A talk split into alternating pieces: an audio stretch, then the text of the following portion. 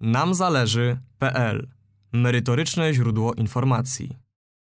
Jan Kubań, prezes Fundacji Pafere, przedsiębiorca. Dzień dobry. Dzień dobry, witam wszystkich. Rewelacyjnie poszła ta nasza ostatnia rozmowa. Widzowie domagają się więcej i więcej, także wychodząc naprzeciw oczek- oczekiwaniom naszych widzów, słuchaczy, realizujemy kolejną rozmowę, tym razem w 100% skupioną na gospodarce. I takie, do pana, I takie pytanie do Pana jako do zwolennika gospodarki rynkowej, wolnorynkowej. Y, czy w tak wyjątkowej sytuacji, jaką jest ta epidemia, rząd powinien interweniować? Y, ja jestem, wie pan, y, znaczy patrząc na definicję tej gospodarki wolnorynkowej, to można się sprzeczać, bo niektórzy mówią, że na wolnym rynku można robić wszystko, nawet i kraść. Natomiast ja takiej definicji przestrzegam, że jednak trzeba to nie jest taki absolutnie wolny rynek, trzeba spełniać, przestrzegać pewnych norm, norm moralnych, przepisów prawa. Także to jest moje rozumienie wolnego rynku. Natomiast oczywiście ten wolny rynek jest bardzo ważny, natomiast e, jeżeli chodzi o rządzenie, to ja jestem zwolennikiem i to gorącym zwolennikiem i propagadorem e, idei subsydiarności. Zaraz dokładniej wytłumaczę o co chodzi. Mm, I uważam, znaczy mamy taką tendencję, że w momencie, kiedy coś trudnego się dzieje, tak jak na przykład ta pandemia w tej chwili, że to rząd powinien za nas coś załatwić. Natomiast ja uważam, że my ciągle musimy pamiętać, że rząd to nie jest tatuś, to nie jest mamusia, to nie są rodzice, tylko to są przedstawiciele nasi, których myśmy wybrali, żeby oni rozwiązywali pewne problemy. Ale My musimy za to wszystko zapłacić. I teraz ja się obawiam, że rząd, stosując obecne metody do druku pieniądza, załatwi to w zły sposób, że po prostu zbyt wiele osób na tym ucierpi. No i teraz przejdźmy właśnie do tej zasady subsydiarności. Ja tutaj pokażę na ekranie e, definicję. E, subsydiarność w katolickiej nauce społecznej, ale to nie tylko, bo, bo protestanci też to wykorzystują, mianowicie w Szwajcarii jest to zasada pomocniczości, ale w ostateczności. I teraz ja uważam, że y, nie powinien rząd ingerować w gospodarkę, tylko to powinno odbywać się wszystko na szczeblu gmin. Są gminy biedniejsze, są gminy bogatsze, w gminie lepiej widać, komu należy pomóc, komu nie należy pomóc.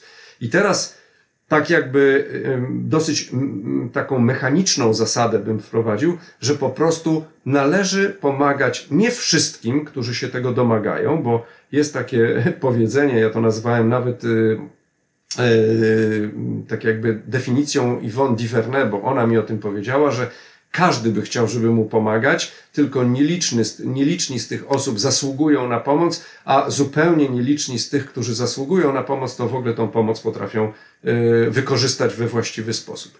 Także mówię, mm, pomocą powinny zajmować się gminy i powinny w sposób raczej mechaniczny y, robić według pewnego kryterium, które byłoby na przykład takie, że pomagamy wyłącznie 10% tych najbardziej rzeczywiście potrzebującym.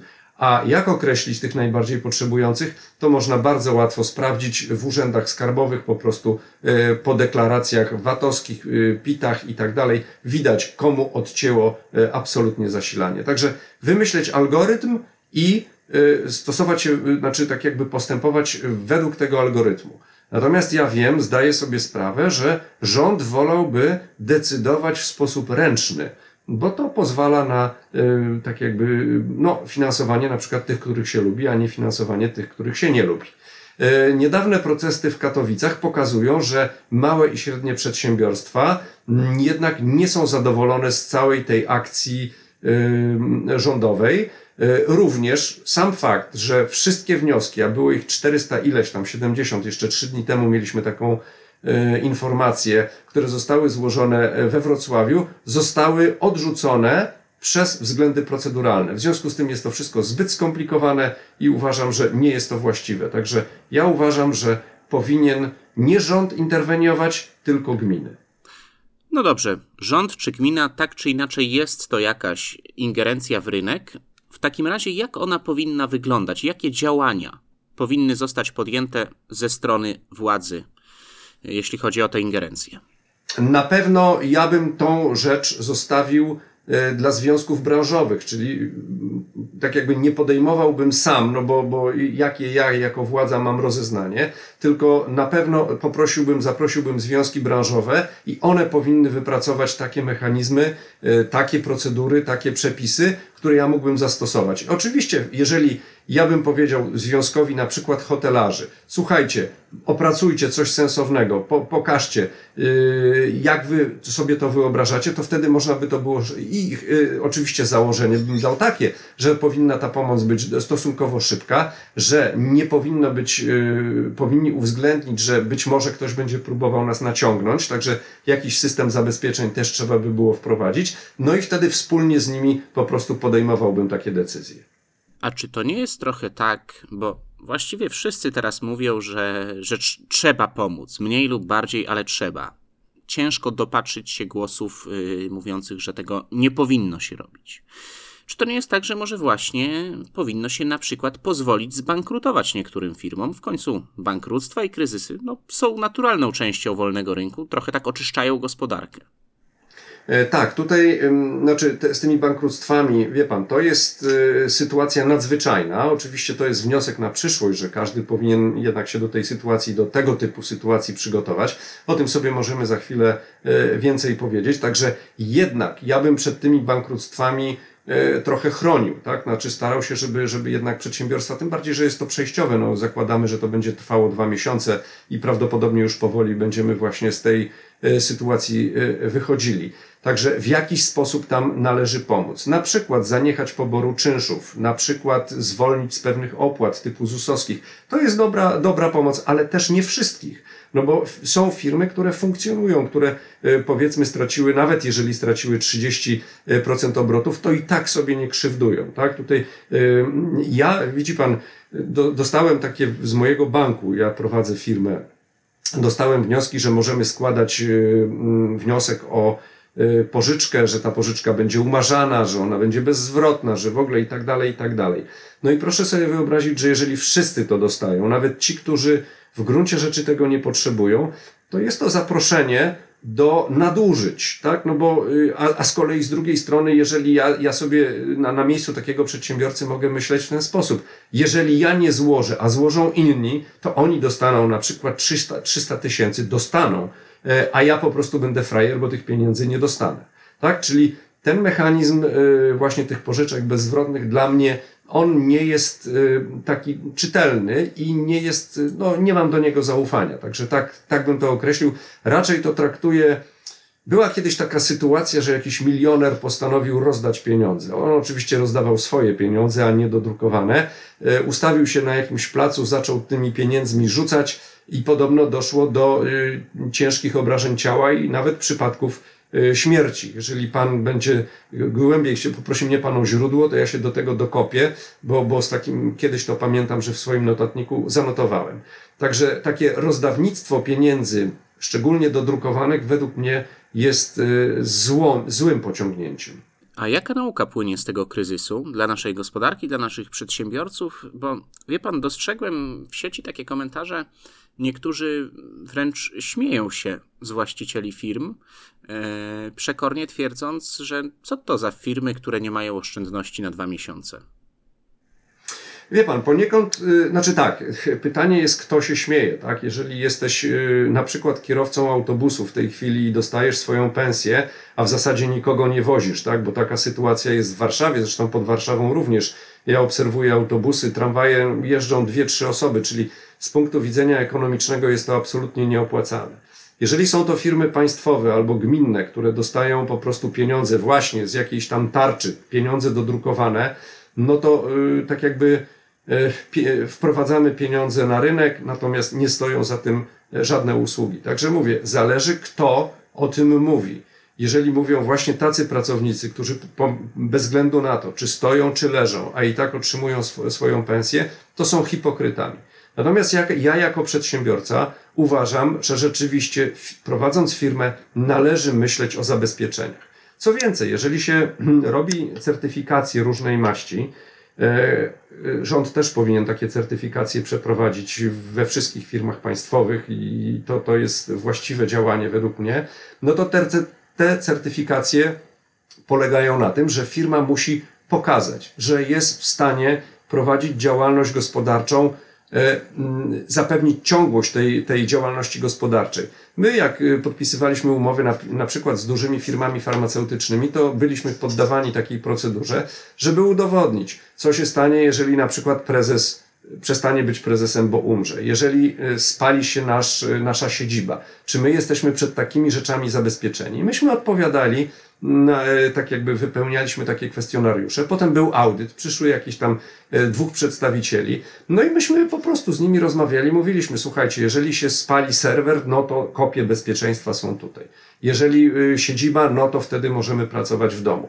No i tak jakby w przypadku mojej firmy, oczywiście ona jest bardzo uprzywilejowana, bo jest to firma software'owa, robi w zasadzie cały majątek tej firmy mieści się w głowach programistów. No, może nie przesadziłbym, ale 90% na pewno.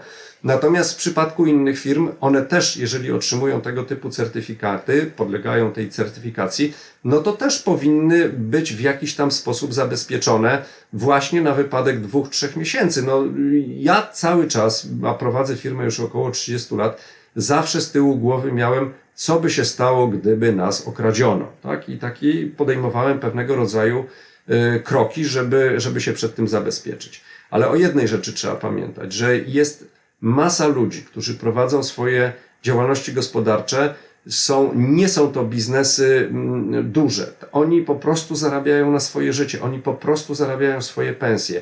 I o takich ludziach trzeba pomyśleć. No i teraz pytanie, jak tych ludzi znaleźć? Znowu Urząd Skarbowy, bo tam widać, kto jakie miał dochody, kto, jak, kto ile odkładał, kto ma jakie bufory, no tam wszystko widać. Rozmawiając o gospodarce, Właściwie siłą rzeczy te wszystkie dyskusje schodzą natychmiast na przedsiębiorców. Ja jeszcze zapytam o tę drugą stronę, czyli o pracowników. I tutaj tak mm, zastanawiam się, czy y, polski rynek pracy nie powinien być na przykład bardziej elastyczny. Bo jeżeli mamy firmy, które już od kilku miesięcy ciężko sobie radziły i jeszcze pojawia się taka sytuacja i na przykład praco, pracodawca nie może zwolnić pracownika to jest w ogóle katastrofa według mnie, bo tutaj tak jakby państwo przerzuca e, całą odpowiedzialność na e, pracodawcę. To nie jest dobre. Nawet ja zawsze podkreślam, że nawet to, że pracodawca wypełnia pity, zeznania roczne podatkowe za pracownika, to też jest złe, bo pracownik nawet nie wie, że on płaci podatek. Jemu się wydaje, że jeżeli pracodawca robi obrót 1000, a jemu płaci 300, to znaczy, że go okradł na 700. Natomiast pracodawca musi zapłacić ZUSy, musi zapłacić y, jego podatki, jakieś swoje inne rzeczy, opłacić koszty stałe itd., tak itd. Tak Także właśnie ten rynek powinien być o wiele bardziej elastyczny. Natomiast jeżeli chodzi o zabezpieczenia pracowników, to one powinny się odbywać nie na zasadzie przerzucenia odpowiedzialności na pracodawcę, tylko z, y, zwykłego ubezpieczenia się. Po prostu pracodawca powinien zapłacić taką, taką składkę ubezpieczeniową do, do PZU czy jakiejś innej firmy. Y, te firmy powinny ze sobą być, konku, y, powinny konkurować między sobą. Także tak, jak najbardziej uważam, że mm, rynek powinien być o wiele bardziej elastyczny. Co więcej, też mm, nie powinno się, znaczy rząd nie powinien narzucać y, sposobów, jak mamy płacić tym pracownikom. To powinno być bezpośrednio dogadywane między pracownikami a pracodawcami, bo praca na etacie powoduje, że pracownikom się mniej chce po prostu. No to, to wiadomo, że jeżeli moja praca jest wynagradzana w zależności od mojej efektywności, no to ja się staram być efektywny. Natomiast jeżeli ona jest wynagradzana za godziny, no to nawet małe dziecko wie, tak, że e, lepiej pracować na godziny, bo wtedy można mniej zrobić, a i tak pieniądze się należą. Mam wrażenie, że z tej pana odpowiedzi wybrzmiała taka niekoniecznie sympatia do pracowników, w tym sensie, że yy, zgodziliśmy się tutaj co do uelastycznienia rynku pracy, pracownik słuchając tej rozmowy stwierdzi, że tutaj nie ma wcale dla niego żadnej recepty, wręcz przeciwnie, y, pewne utrudnienia. On chciałby więcej bezpieczeństwa. Wie pan co, znaczy y, akurat o braku sympatii to zależy, bo ja cenię, znaczy ja w ogóle nie mówię o pracownikach. Ja w firmie mówię raczej o partnerach i cenię sobie ludzi, z którymi y, mogę, no mówiąc przysłowiowo, kraść konie, czyli mogę dokonywać rzeczy wielkich, wymyślać nowe systemy, no, nowe rozwiązania. Takich ludzi cenię. Natomiast na pewno nie cenię ludzi, którzy przychodzą i się obijają, którzy szukają ciepłej posadki. No po prostu nie lubię, bo to nie jest mój typ człowieka. Ja, ja z takimi ludźmi po prostu y, nie chciałbym pracować, bo to nie jest praca, tylko użeranie się z nimi. Także tutaj też trzeba spojrzeć tak jakby, że no, pracownicy są bardzo ważni, ale oczywiście pracownicy cenni, którzy rzeczywiście potrafią pracować, którzy potrafią włożyć swój wkład, swoje serce y, w rozwój firmy. Tak? Także no, ja w ten sposób postrzegam. Znowu, budowanie poprzez rząd takiego wychowywanie takiego pokolenia ludzi, którzy tylko myślą o zabezpieczeniu socjalnym, nie myślą o tym, jak pracować, jak, jak rozwijać swoje talenty. Nie uważam, że to jest właściwe. Tak? Ludzie oczywiście chcą tego bezpieczeństwa, domagają się i na dłuższą metę to jest niestety złe. Mieliśmy dokładnie to za czasów PRL-u. Nie było problemu ze znalezieniem e, pracy, natomiast nie było co jeść, bo po prostu ludzie byli nieefektywni w tej pracy. Y, co po kryzysie, który przecież w końcu minie, nie wiemy jeszcze kiedy, może za miesiąc, może za trzy miesiące, może za sześć, mówię oczywiście o tym epidemiologicznym, gospodarczy może potrwać trochę dłużej, ale też w końcu minie. Jakie wnioski z tego wszystkiego, jak po tym wszystkim podchodzić do organizacji naszej gospodarki? No na pewno trzeba uwzględniać, e, wie pan, że takie sytuacje mogą się zdarzyć, tak? E, ja jak e, urodziłem się w 59 roku, to mając chyba 3 albo 4 lata zauważyłem, że obok budynku, w którym mieszkam, są takie grzybki. No i nie wiedziałem bardzo długo, co te grzybki znaczą, a potem koledzy, którzy mieli wejście do piwnic, pokazali mi, że to jest tajne przejście, że można się ewakuować. E, to były mm, przepisy, które w tej, których w tej chwili się już nie stosuje e, na wypadek wojny. E, było jakoś tam jakaś norma zrobiona taka, że właśnie to wyjście z piwnic musi być oddalone od zdaje się dwóch trzecich wysokości budynku, od budynku, no bo jeżeli będzie bomba, wszystko się rozleci, to żeby to wyjście nie zostało zasypane. No i proszę zauważyć, że to były wnioski, które żeśmy wyciągnęli po wojnie. E, wprowadziliśmy odpowiednie przepisy, no i tak budowaliśmy te domy. Natomiast w chwili obecnej żaden dom nie jest zabezpieczony przed wojną.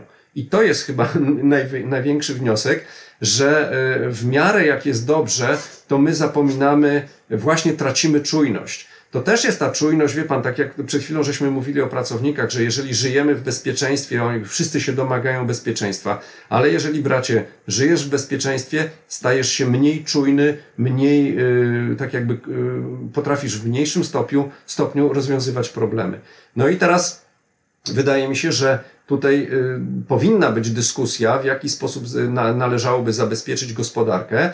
Wracam do tych certyfikatów. Otóż w bardzo wielu wypadkach gospodarka jest zabezpieczona, bo te certyfikaty są, bo y, klienci, duży, duzi klienci domagają się, żeby ich dostawcy nie byli podatni na różnego rodzaju y, zdarzenia, tak? No i mówię, na przypadku, w przypadku mojej firmy to myśmy to udowodnili. Myśmy przeszli w tryb zdalny w ciągu dwóch dni. Byliśmy do tego naprawdę przygotowani na, na chyba 35 osób. Trzy osoby mm, nie były przygotowane. Także główny wniosek jest chyba taki, że należy Y, pamiętać o tym, że takie sytuacje mogą się zdarzać, należy wprowadzić y, certyfikaty właśnie i po prostu poddawać firmy certyfikacji y, tego typu i po prostu będziemy wiedzieli, czy firma posiada certyfikat ciągłości pracy w, sy w sytuacji zagrożenia, na przykład epidemiologicznego albo wojennego, albo nie posiada. Mhm. Wiemy wszystko. Mam nadzieję, że w praktyce po tym wszystkim wyjdzie nam to tak samo dobrze, jak brzmi to z Pana ust. Y, odsyłamy naszych widzów, słuchaczy na stronę Pafere, gdzie można znaleźć wiele interesujących pozycji książkowych, a ja dziękuję Panu za rozmowę. Bardzo dziękuję, do widzenia.